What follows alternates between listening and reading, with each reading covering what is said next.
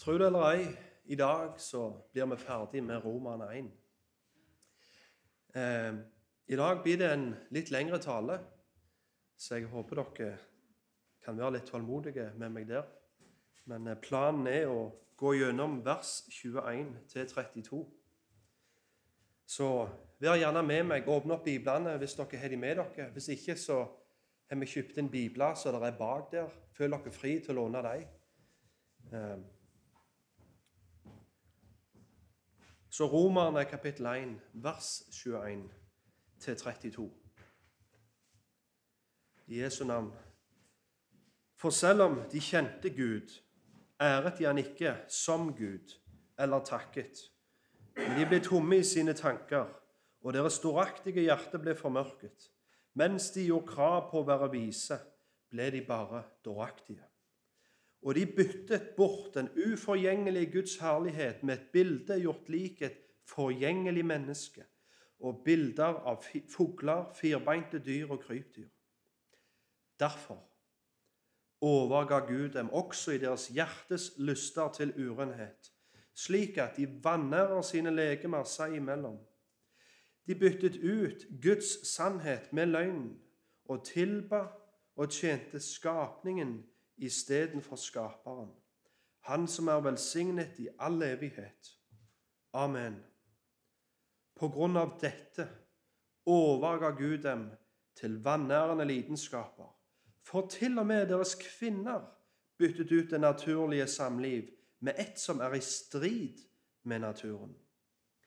Det samme gjorde også mennene. De forlot det naturlige samliv med kvinnen og de ble opptent i sin lyst etter hverandre. Så menn drev skammelig utukt med menn, og den velfortjente straffen for sin villfarelse fikk de på seg selv. Og ettersom de ikke fant noen verdi i å holde seg i Gud i sin erkjennelse, overga Gud dem til et uverdig sinn. Så de gjør de ting som ikke sømmer seg. Og de er fulle av all slags urettferdighet, seksuell umoral, usselhet, grådighet og ondskap.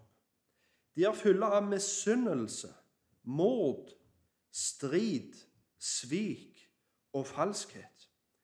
De ble slike som setter ut rykter. Baktalere, gudshatere, voldsmenn, stolte skrythalser. De finner på all slags ondt. De er ulydige mot sine foreldre. Uforstandige, upålitelige, uten naturlig kjærlighet.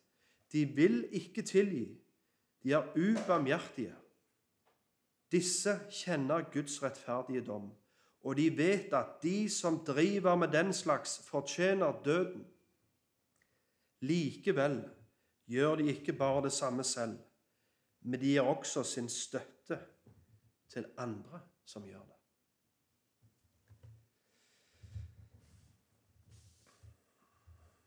Ikke så langt ifra huset vårt så er det en jernbane. Og når jeg sitter og forbereder taler, så har jeg den jernbanen i sidesynet.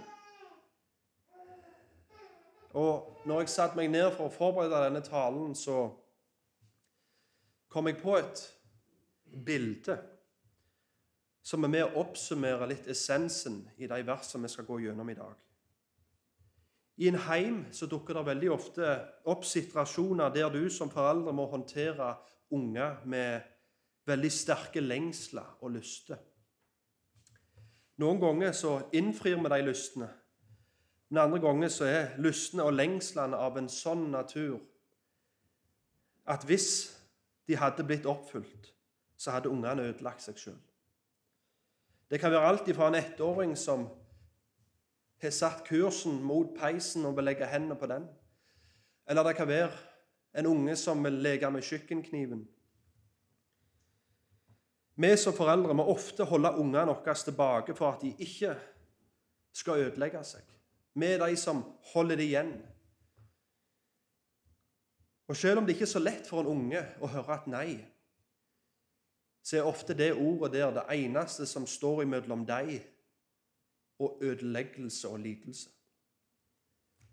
Og For å ta et litt ekstremt oppdikta eksempel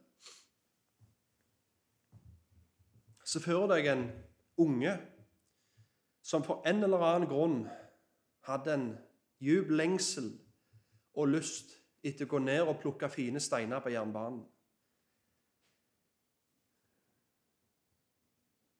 I ukevis så maser han. Han griner seg sjøl i søvn. Han vil ned på den jernbanen. Han er for en eller annen løgngrunn fått det for seg at de steinene som er der nede, som ligger mellom skinnene, de er helt spesielle. Flere ganger så prøver han å lure seg ut døra, men han blir alltid oppdaget. Og etter hvert så tenkte han med seg sjøl i dag skal jeg ikke akseptere et nei. I dag skal jeg ned der, koste hva det koste vil. Så denne gutten tar på seg støvlene, han hiver på seg jakken, finner fram bøtta som steinene skal ligge i, og han setter kursen mot ytterdøra. Men der står faren, for han har allerede sett hva denne ungen har planlagt om å gjøre. Alle hans handlinger forsynte hvor denne gutten hadde tenkt seg. Men gutten tenkte nei, ikke i dag. I dag skal ikke du stoppe meg. Så han lukker øynene sine, han tar fart, og han spurter imot denne døra. Men han ender opp i armene til faren. Og han får høre dette kjente ordet som han har hørt så altfor mange ganger nei. Nei. Men det skulle ikke han akseptere i dag. Han skulle ikke ta et nei for et nei i dag, så derfor spente han.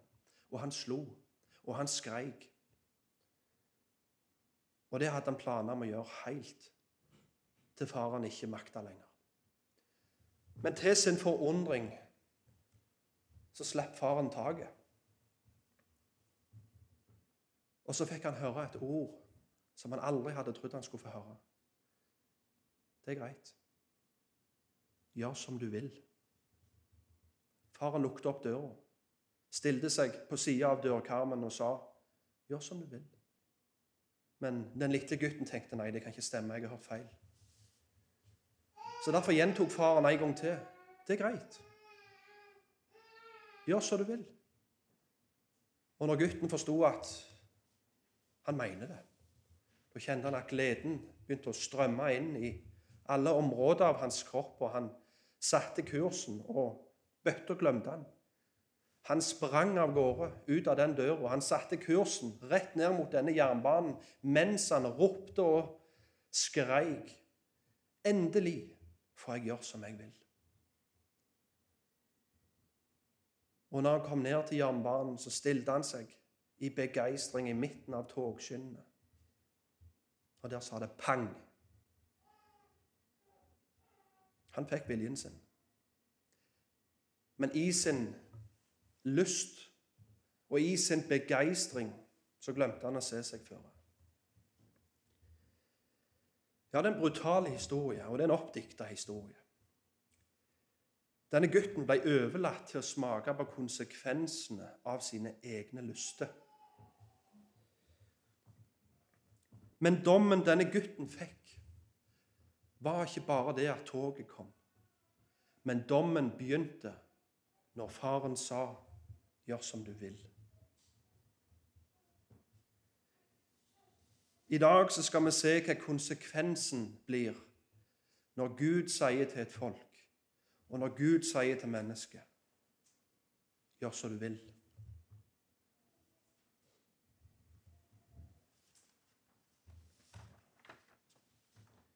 Det å bli overlatt til seg sjøl og sine egne lyster kan for et øyeblikk og en sesong føles ut som frihet. Men som vi skal se i dag, så er det et uttrykk for Guds dom over mennesket. For den friheten de kjenner på, er ikke annet enn Gud som har lukket opp døra og har sagt det er greit, gjør som du vil. Og de er på vei med stormskritt mot jernbanen, som er Guds endelige dom og fortapelse. Tidligere så har vi sett hvem Guds vrede blir åpenbart over. Og i dag så skal vi se hva konsekvensen blir når Guds vrede blir åpenbart. hva konsekvensen blir når Guds vrede blir åpenbart. Vi fikk se at Gud har åpenbart seg for alle mennesker. Men mennesket fornekter den åpenbaringen, og nå kommer Paulus til å fortelle hva konsekvensen av den fornektelsen er. Og herifra vil vi se at det går bare nedover. Den teksten som ligger før oss i dag, beskriver en spiral. Og jo lenger du kommer i den spiralen, jo større blir mørket. Noe av det verste som kan skje et menneske og et samfunn, er når Gud lar deg gjøre som du vil, og du blir overlatt til deg sjøl. Og denne spiralen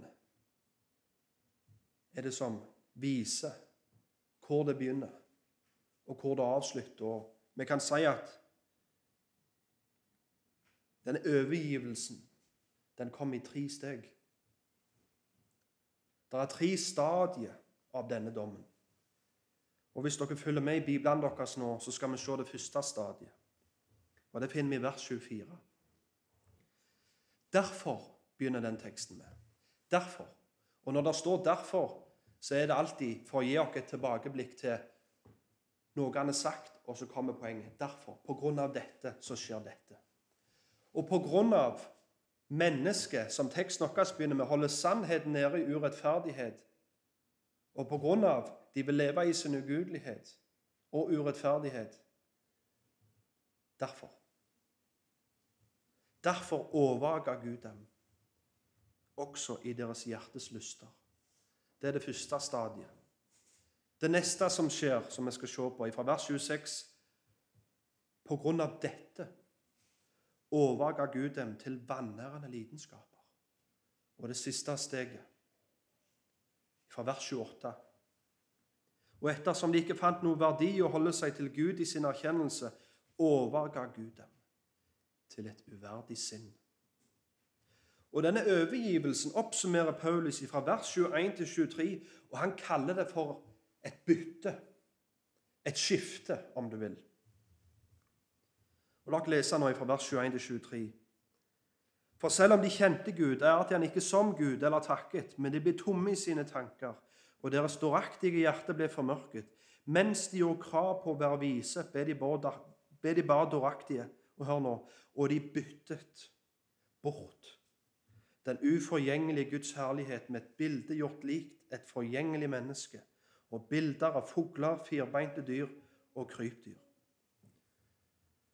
For om mennesket ikke vil tilbe Gud, så slutter det allikevel ikke å tilbe. Men de bytter den sanne Gud ut med en avgud. Og istedenfor å ære Gud, så blir det bytta ut med vanærende lidenskap. Takknemlighet blir bytta ut med utakknemlighet. Lys og visdom blir bytta ut med tomhet og mørke. Det som blir beskrevet i vers 21-23, er det motsatte av hva som burde være den rette responsen til åpenbaringen som Gud har gitt alle mennesker.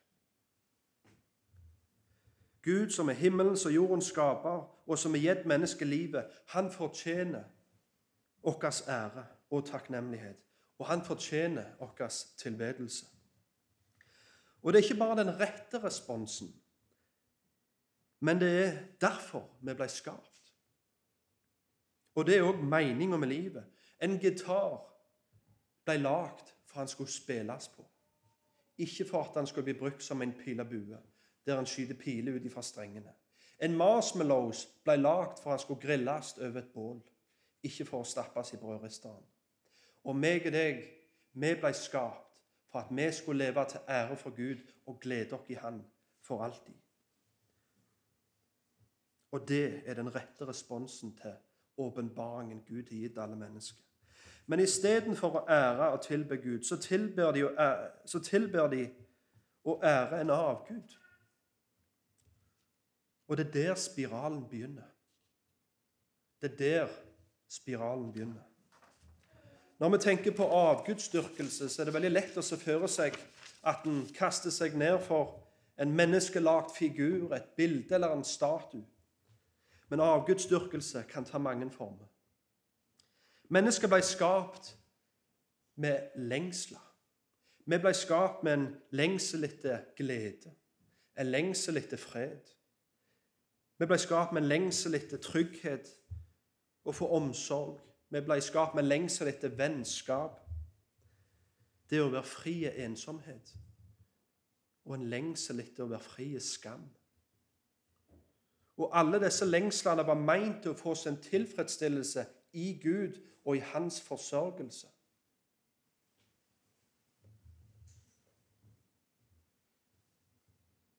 Men det vi mennesker gjør med disse lengslene og lystene. at vi prøver å få lengslene tilfredsstilt i det skapte istedenfor skaperen. Og da har det blitt en avgud. Og For å ta et eksempel som er veldig aktuelt i den tida vi lever i i dag En, en stor lengsel mennesket har, er en lengsel etter en frelser. Men når en ikke ser på synd i sitt eget liv som det en trenger frelse ifra, og en ser heller ikke på det som et problem, og en tenker ikke at en er synder imot den hellige Gud som en dag vil holde dom, så ser en ikke behovet for å ha en frelser som skal frelse oss fra den kommende vrede. Men en fortsatt en lengsel etter en frelser. Og det en da gjør, og som er akkurat som en ting som skjer i syklus opp gjennom hele historien, det at en dikter og lager nye problemer. Og så lever en for å få løse de problemene. Og de da som står opp, som har de største og mest ressurser på sin side, og som er ivrigst i kampen for å få fiksa dette problemet, de blir sett på som landets frelsere. Og den rollen der tar ofte myndighetene. Og Derfor så blir de behandla som en gud og jeg tok rollen til Gud. Og da blir synd omdefinert til å være alt som går imot den løsninga og frelsen som staten tilbyr befolkninga. For hvis ikke et folk og en myndighet anerkjenner en Gud som, øv, som er den øverste autoritet og over staten, så blir staten den ultimate autoritet og Gud over folket. Hvis det ikke er en Gud over staten, så har staten blitt Gud over folket. Og da er det det hva staten sier, som er den ultimate standarden. Og det å mene noe annet enn de forslagene til og med som kommer fra et statlig nivå, det blir likestilt med synd og opprør imot det helligste organet som er over oss. Og Det er grunnen for at staten og mange nasjonale ledere opp igjennom har oppnådd guddommelig status. Ta Hitler, eksempel. Hva var det han gjorde? Han dikta opp et problem. Og hvis det problemet ikke ble løst, så ville verden gå unna, mente han. Og det problemet var jødefolket. Og hans budskap var hvis dere gir meg mer makt og hvis dere gir meg deres fulle tillit og hengivenhet, så skal jeg være deres frelser. Jeg skal ta, fikse problemet for dere, og jeg skal redde verden. Og på den måten så oppnår når en guddommelig status. Så avgudsdyrkelse tar mange former. Og det er alltid et resultat av at, vi går til det skapte istedenfor skaperen.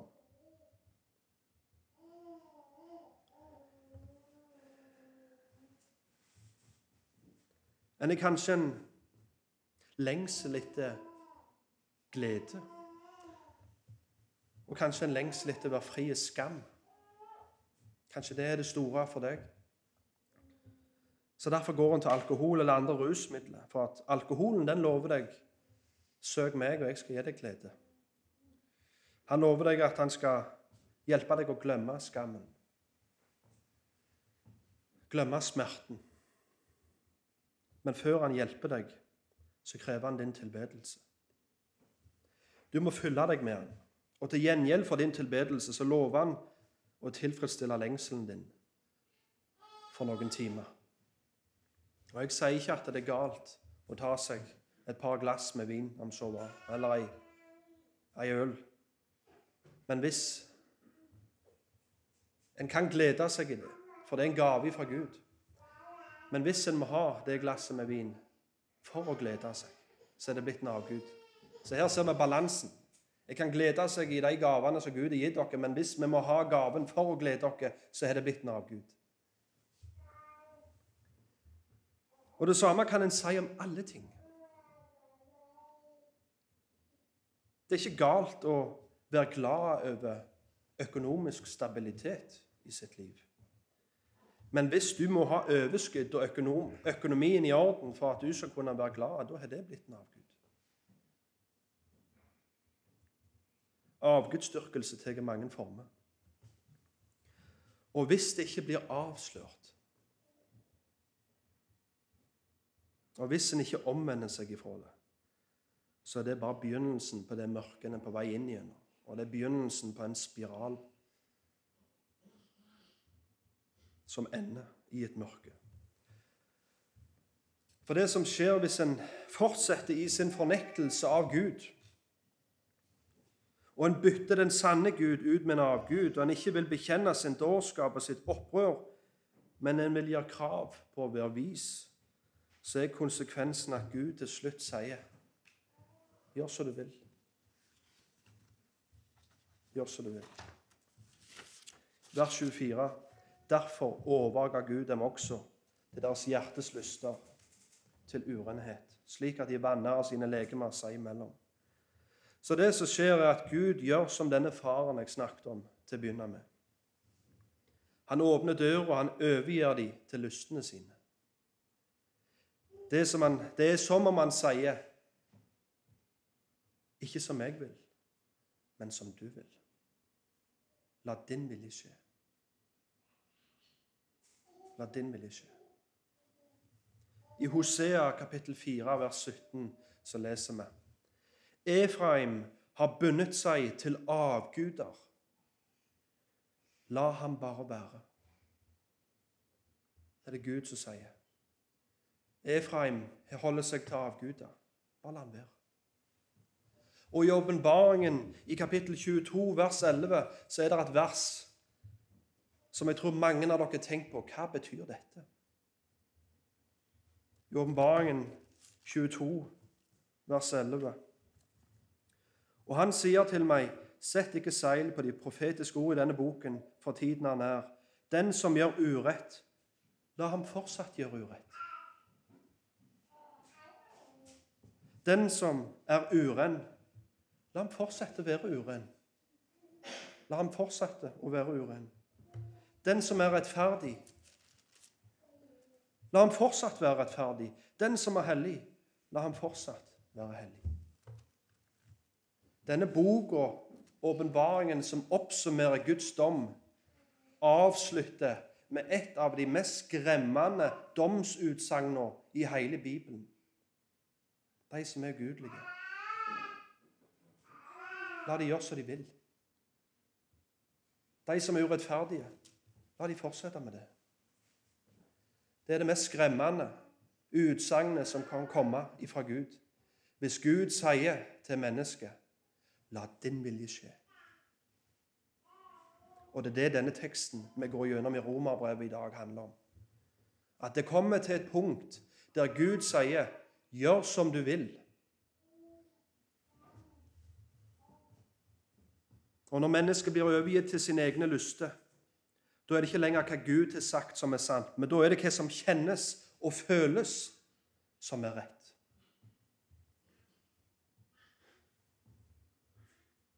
Og som blir sannheten. Dine egne, egne lyster blir den ultimate autoriteten. Og alle som prøver å hindre deg i å få realisert lystene dine, blir sett på som hatefulle og ukjærlige, og de blir sett på som opprørere og syndere.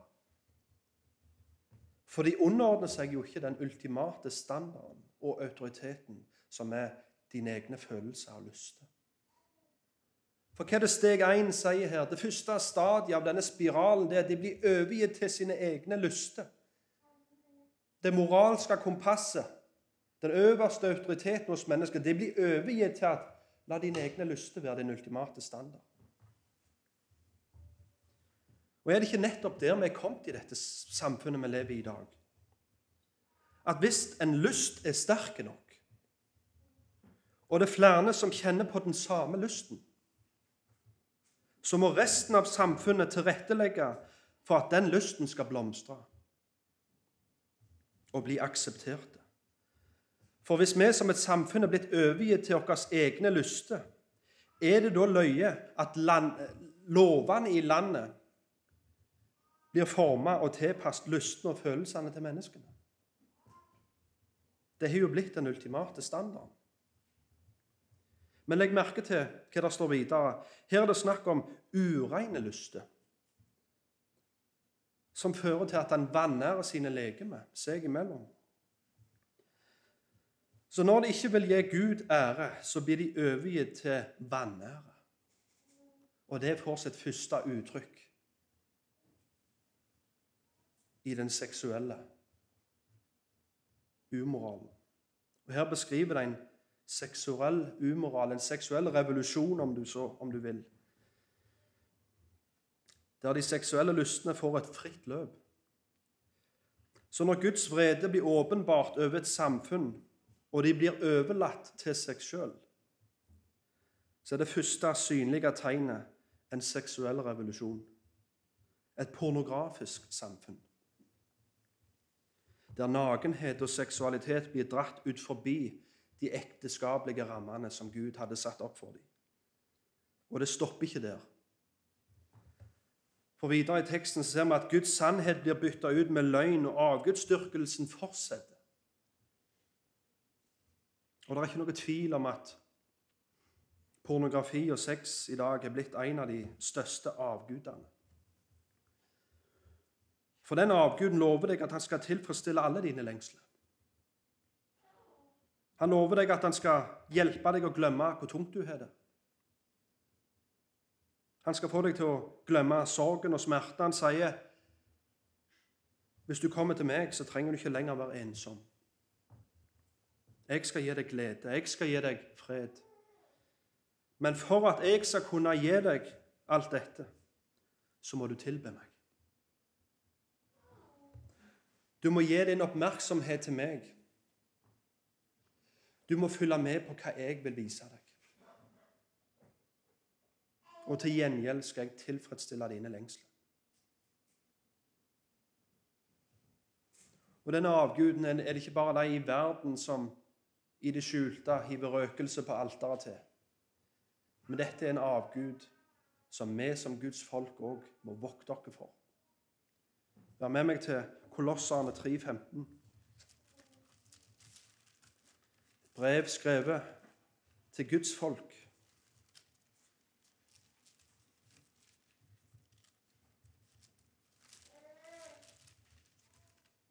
Kolosserne 3,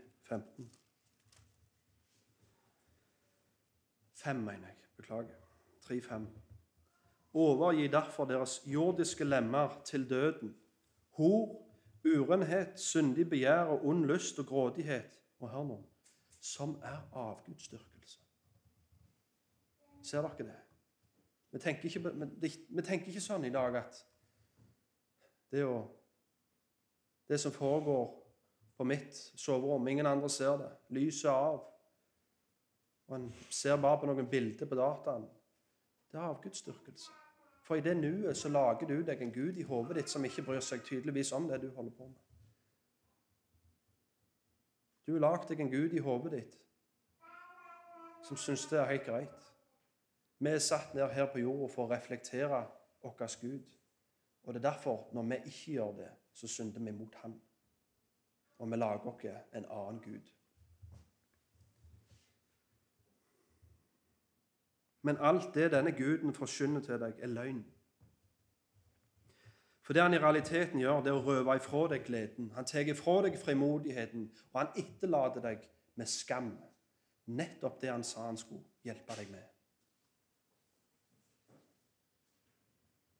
Men verden, de vil ikke skamme seg. For de følger jo bare lystene sine. Og lystene er lik lov. Og de skammer seg ikke over sin lov. De er stolt over sin lov. Men mitt, mitt ord til dem er de har all grunn til å skamme seg over sin lov, som strømmer ut ifra deres egne lyster. Men Guds folk de har ingen grunn til å skamme seg over sin Guds lov, men allikevel gjør vi det. Gud er skapt menneske, og han er gitt til sin lov.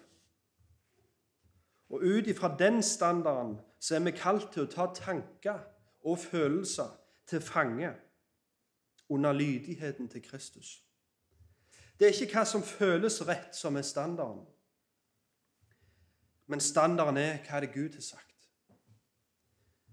Men mange sier hvis ikke jeg får leve ut mine seksuelle lyster, så får jeg aldri kunne leve et fullverdig liv. Hvis jeg skal legge låg på det jeg kjenner inni meg, hvordan kan jeg leve et fullverdig liv da? Du sier jeg skal fortrenge den jeg egentlig er. Mitt svar til det spesielt hvis det er ting som kommer opp i en kristen kontekst, så sier jeg det Definisjonen på hva et fullverdig liv er, det er Jesus. Og når han vandra her på jord, så var ikke han i et seksuelt forhold. Så det å si at jeg er nødt å sjøl realisere meg seksuelt for at jeg skal kunne leve et fullverdig liv, det er løgn. Du kan leve et fullverdig liv til ære for Gud uten å realisere alle dine fantasier. Men Gud har gitt seksualitet til en gave til mennesket. Akkurat som ei god kone er en gave. Akkurat som unger er en gave. Av bare nåde så han gitt det til oss. Og han har òg definert rammene for hvor det skal foregå. Og rammene er ekteskap mellom mann og kvinne. I en forpliktende pakt til døden skiller de av. Det er rammene der denne handlinga skal blir velsigna. Men hvis en velger å la seg styre av lystne, så er det vi sitter på nå, bare begynnelsen. Begynnelsen på den dommen som blir beskrevet her. Vers 26-27, så leser vi det neste steget her. På grunn av dette overga Gud dem til vanærende lidenskaper. For til og med deres kvinner byttet ut det naturlige samliv med et som er i strid med naturen. Det samme gjorde også mennene. De forlot det naturlige samliv med kvinnen, og de ble opptent i sin lyst etter hverandre. Så menn drev skammelig utukt med menn, og den velfortjente straffen for sin villfarelse fikk de på seg selv.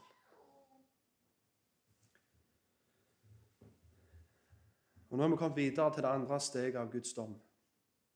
Det andre stadiet på vei ned denne spiralen. Og Nå er det ikke bare at de følger lystene sine. Men det neste som skjer, er at lidenskapene blir tvista og forderva. Og det skjer enda et skifte. Først var det å skifte Gud ut med en avgud. Men det er nå skifter ut er at en bytter ut et naturlig samliv med et som strider imot naturen. Og strid imot Guds skaperordning. Der damer, eller dame og menn, brenner i sin lyst etter det samme kjønn. Og Det som er litt spesielt i denne teksten, det er at han formulerer seg på en litt spesiell måte her i vers 26. For han sier 'til og med deres kvinner'. Til og med deres kvinner. Og Det er ikke noe å legge skjul på at historisk så er det mannfolk som leder paradene av ugudelighet og dårskap. Og Bare for å ta et lokalt eksempel her i vårt land òg, så er det et overveldende antall av mannfolk i fengsel sammenlignet med kvinnfolk.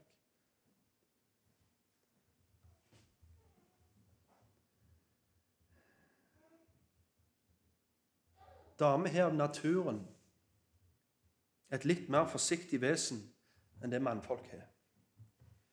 De er lettere for å vise medfølelse, og de har naturlig moder, moderlige omsorg. Men når et samfunn blir overlatt til seg sjøl, så vil ureine lyster, vanærende lidenskap og seksuell moral òg være, være livsstilen som blir adoptert av damene. Og Legg merke til hva som blir sagt av Paulus både om menn og damer i disse to versene. De bytta ut det naturlige samliv med et som strider imot naturen. Her gir Paulus oss svar på et av de mest populære motargumentene i den likekjønna samlivsdebatten. Ja, men jeg er født sånn. Hvordan kan det være synd når det er din Gud som har skapt meg sånn? Paulus sitt svar er ingen er skapt sånn. Den livsstilen strider imot naturen. Det vil si strider imot skaperordninga. Det var ikke sånn Gud skapte mennesket, men han skapte dem til mann og kvinne.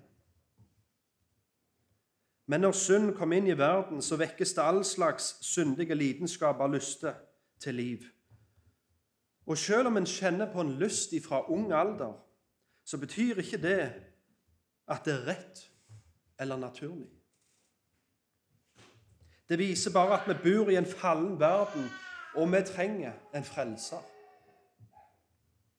Selv om følelsen av lidenskapen er sterke, så rettferdiggjør ikke det handlingen eller følelsen eller livsstilen. Vi kan alle kjenne på lyst og følelser. Vi kan ha lyst til å lyge. Vi kan ha lyst til å stjele. Men det betyr ikke at vi bør invitere til et offentlig arrangement der vi samler alle løgnerne og tyvene og går i parade. Og alle som er uenige i den livsstilen og ikke vil være med i toget vårt, de skal vi stemple som intolerante og ukjærlige svin.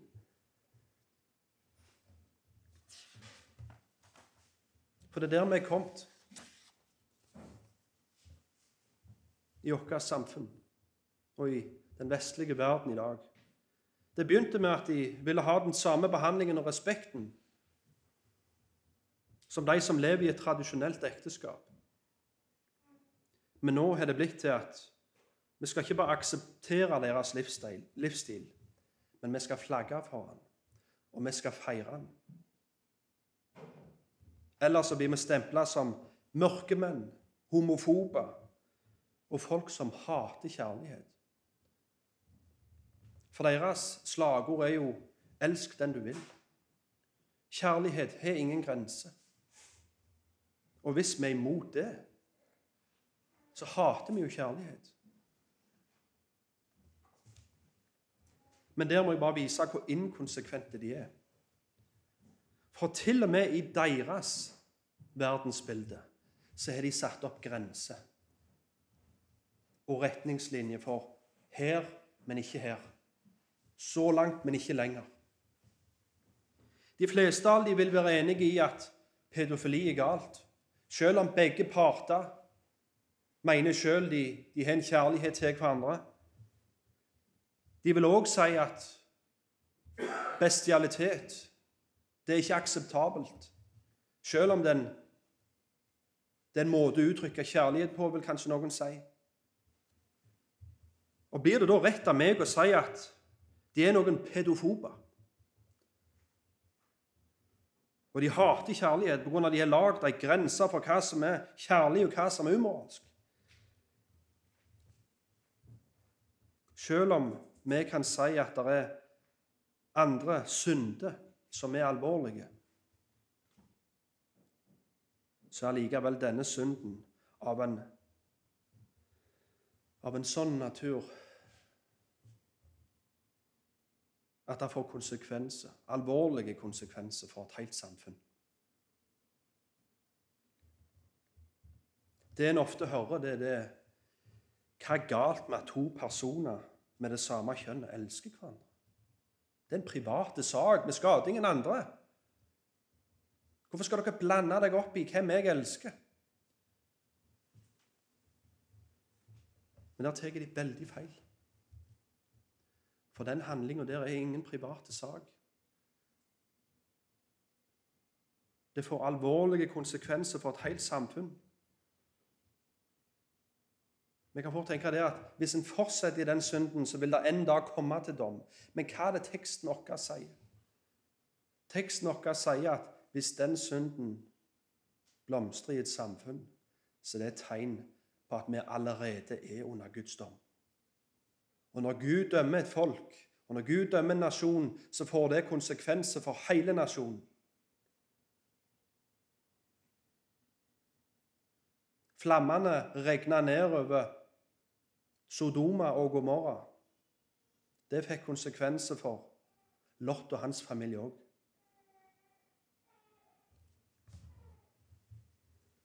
Som vi ser i teksten vår, så er synd i seg sjøl et tegn på Guds dom. Det at mennesker gjør som de vil og har forkasta Gud, og at den seksuelle umoralen strømmer, umoralen strømmer fritt, vil ikke bare føre til dom, men det er tegn på at vi er under Guds dom. Og når Gud dømmer nasjonen, så får det konsekvenser for alle i landet. Og derfor så er den synden ikke bare en private synd. Og Det er derfor jeg tror Paulus holder denne her fram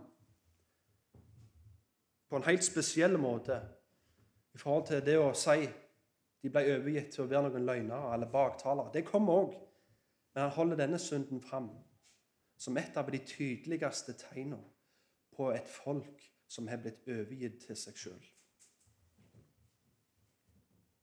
Videre i teksten så sier Paulus og den velfortjente straffen for sin villfarelse fikk de på seg selv. Så i tillegg til konsekvensen det får for et helt samfunn, så får de òg en velfortjent straff på seg sjøl, ifølge Paulus. Og denne synden her er av en sånn destruktiv natur at det får ikke bare åndelige konsekvenser, men òg fysiske konsekvenser. Og noen av de mest velkjente konsekvensene for denne livsstilen, det er hiv, og det er aids. Og det er grunnen for at i nesten ingen land i verden så får de som lever i en homoseksuell et homoseksuelt par eller et homoseksuell livsstil, de får ikke lov å gi blod. Med mindre de kan dokumentere at de har ikke vært aktive i et forhold si tolv måneder siden. Er du med? De må være vært frie. Um, de må holdt seg vekke, holdt seg vekke fra omgang med, med andre likekjønna partnere i minst tolv år. For at de skal kunne, 12 måneder, mener jeg. Unnskyld. For at de skal kunne eh, gi blod. Og det, det, Sånn er det i Norge òg. Det kom en ny lov eh, nå nettopp for halvannet til to år siden, tror jeg det var, Fram til da så var det totalforbud. Ingen som levde en sånn livsstil, fikk lov til å gi blod i det hele. Men nå har vi mildna det opp litt. De holder også på å mildne det opp i, i, England, der en skal få lov å gi blod så lenge en kan dokumentere at en har holdt seg vekke fra en partner da, i minst tolv måneder. Så dette er allmenn kunnskap. Dette her er ikke noe vi kristne i et vårt lille ekkokammer sier at ah, det, vi ble ikke skapt sånn. Dette strider imot naturen. Hvis en gjør dette her, så skader en seg sjøl. Men dette her er allmenn kjennskap, at dette, denne livsstilen fører til ødeleggelse. Og Paulus går så langt at han sier og den straffen den er velfortjent. Og jeg vet at når jeg står her på den talerstolen og sier det, så står vi i fare for å få hele Norges land imot dere. Og dette her er blasfemi i verden sine øyne, det jeg sier til dere i dag. Men jeg vil dere skal vite jeg skammer meg ikke over Guds ord. Og jeg skammer meg ikke over Paulus sine ord.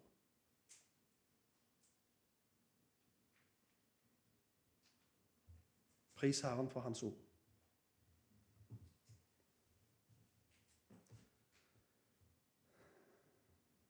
Men det stopper heller ikke der. For vi er ennå ikke nådd bånd av spiralen. Det er et siste steg igjen.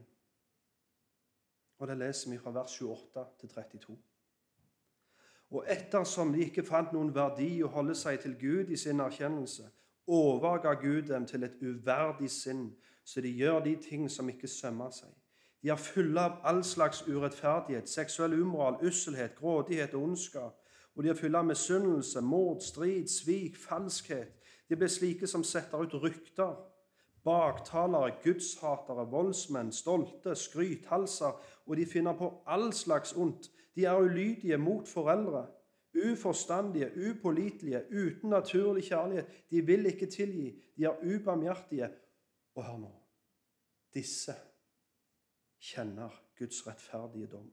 Og de vet at den som driver med den slags, fortjener døden. Likevel gjør de ikke bare det samme selv, men de gir sin støtte til andre som gjør det. Her ser vi mennesker som blir overgitt til et uverdig sinn. Dette beskriver en sinnsfordervelse, der en ikke lenger er i stand til å bruke fornuften. Hvis det han beskrev her, var en sikringsboks, så var alle sikringene gående på dette tidspunktet. Når mennesket er kommet til dette stadiet, så er det ikke lenger noen hemninger. Hadde det vært en fotballkamp det var snakk om, der dommeren er et bilde på samvittigheten, så er han forlatt fotballkampen på dette tidspunktet. Han er lei av å blåse i fløyta, for det er ingen som hører på han. Og dommeren er overgitt spillerne til seg sjøl. Styr dere sjøl.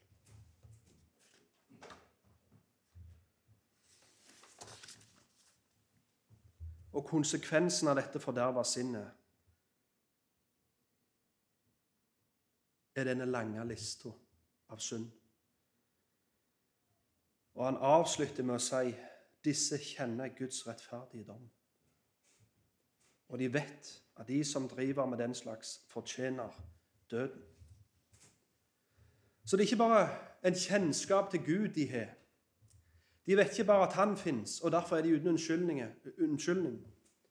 Men de vet òg at en dag så skal de stå framfor han og måtte avlegge regnskap. Og de vet at de handlingene de holder på med, livsstilen de velger å leve, fortjener døden. Hadde ikke Gud lagt ned dette i mennesket, så hadde vi aldri reflektert han i at mennesket straffer synd blant hverandre. Det at vi mennesker straffer synd og kriminelle handlinger blant hverandre, det vitner om at vi vet det er en Gud som en dag vil holde en dom. Ellers hadde vi aldri reflektert han på det området der. Vi hadde ikke brydd dere om urettferdighet. Det hadde ikke vært en kategori for straff. Det er ingenting som heter konsekvenser. Hadde det ikke vært for Gud, som har skapt dere i sitt bilde, og derfor straffer vi synd. De fleste fnyser av tanken på dødsstraff. Og de tenker det er en forferdelig avstraffningsmetode. Men allikevel har vi gitt flere mennesker dødsstraff det siste tiåret enn det som ble gjort under holocaust. Og vi har ingenting imot dødsstraff i det samfunnet vi bor i i dag, eller i det vestlige sivilisasjonen, så lenge de som får dødsstraff, er barnet i mors liv. Så lenge det er de uskyldige, forsvarsløse, som blir dømt til døden, så blir det applaudert. Så spørsmålet er ikke om vi skal ha dødsstraff. Spørsmålet er hvem er det som fortjener døden? Og i verden i dag så er det de uskyldige, hjelpeløse, som får dødsstraff. I tusentalls.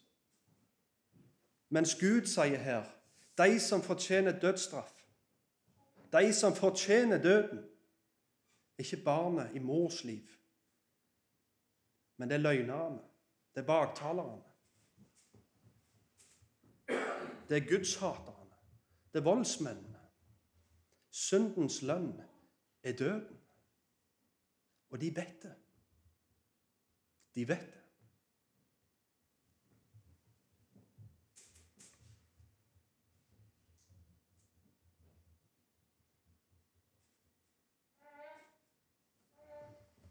Mennesket vet at vondskap fortjener en rettferdig straff.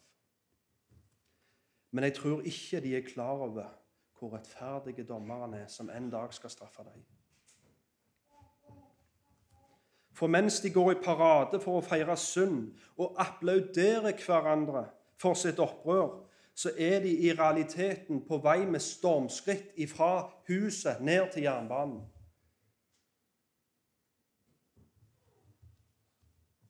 Og det som for et øyeblikk kan kjennes ut som frihet og sjølrealisering og toleranse og kjærlighet,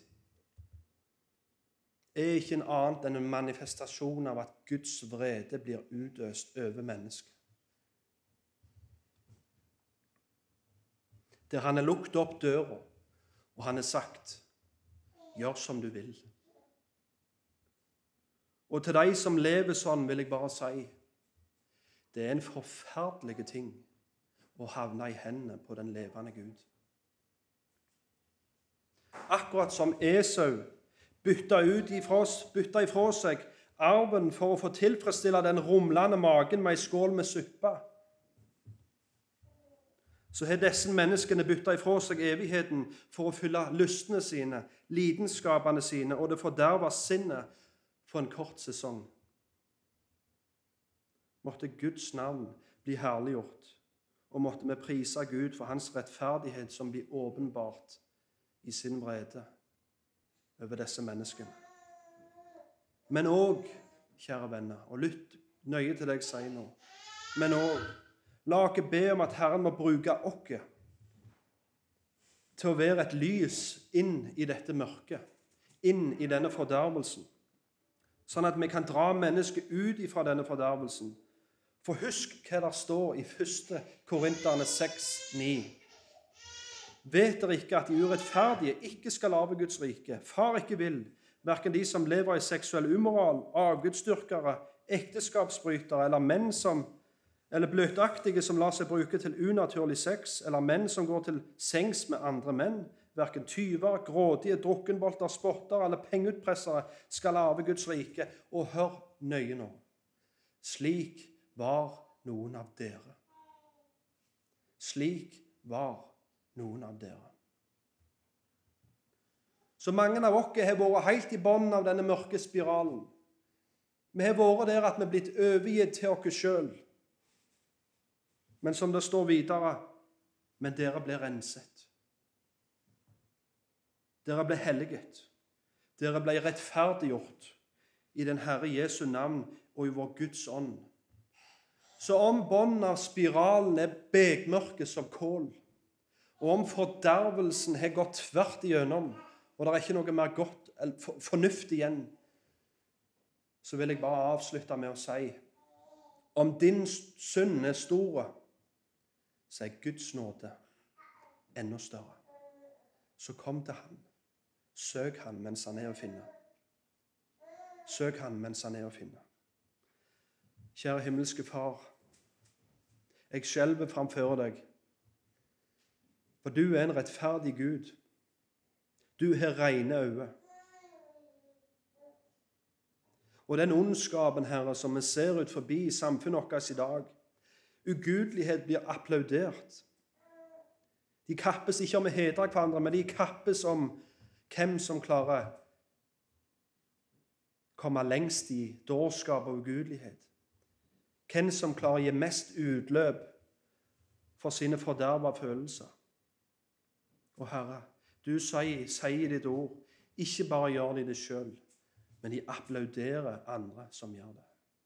Og Herre, Det er kommet så langt at bekjennende kristne stiller seg opp i paraden, og de òg har begynt å applaudere opprøret mot deg. Til og med de som bærer ditt navn, Herre, har kommet der at de applauderer opprør imot deg. Og måtte ikke vi være en av de, Herre. Måtte vi være de som holder banneret høyt og tydelig, som sier 'Jesus er Herre'.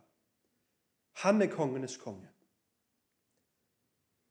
Og sann kjærlighet er ikke hva, han enn kan føle, men sann kjærlighet ble demonstrert for 2000 år siden på det korset. At Gud sendte sin egen sønn. Og han ga sitt liv for syndere, sånn at vi kunne ha fred med Gud. Hjelp oss til å fylle i dine fotspor, Jesus. Hjelp oss til å tåle spott, ta imot hån, og hjelp oss, Herre, til å ikke skamme oss over ditt ord, men å se, Herre, at når du dømmer en nasjon, så kan vi si ja, amen. Du er rettferdig, Gud. Du er rettferdig. I Jesu navn. Amen.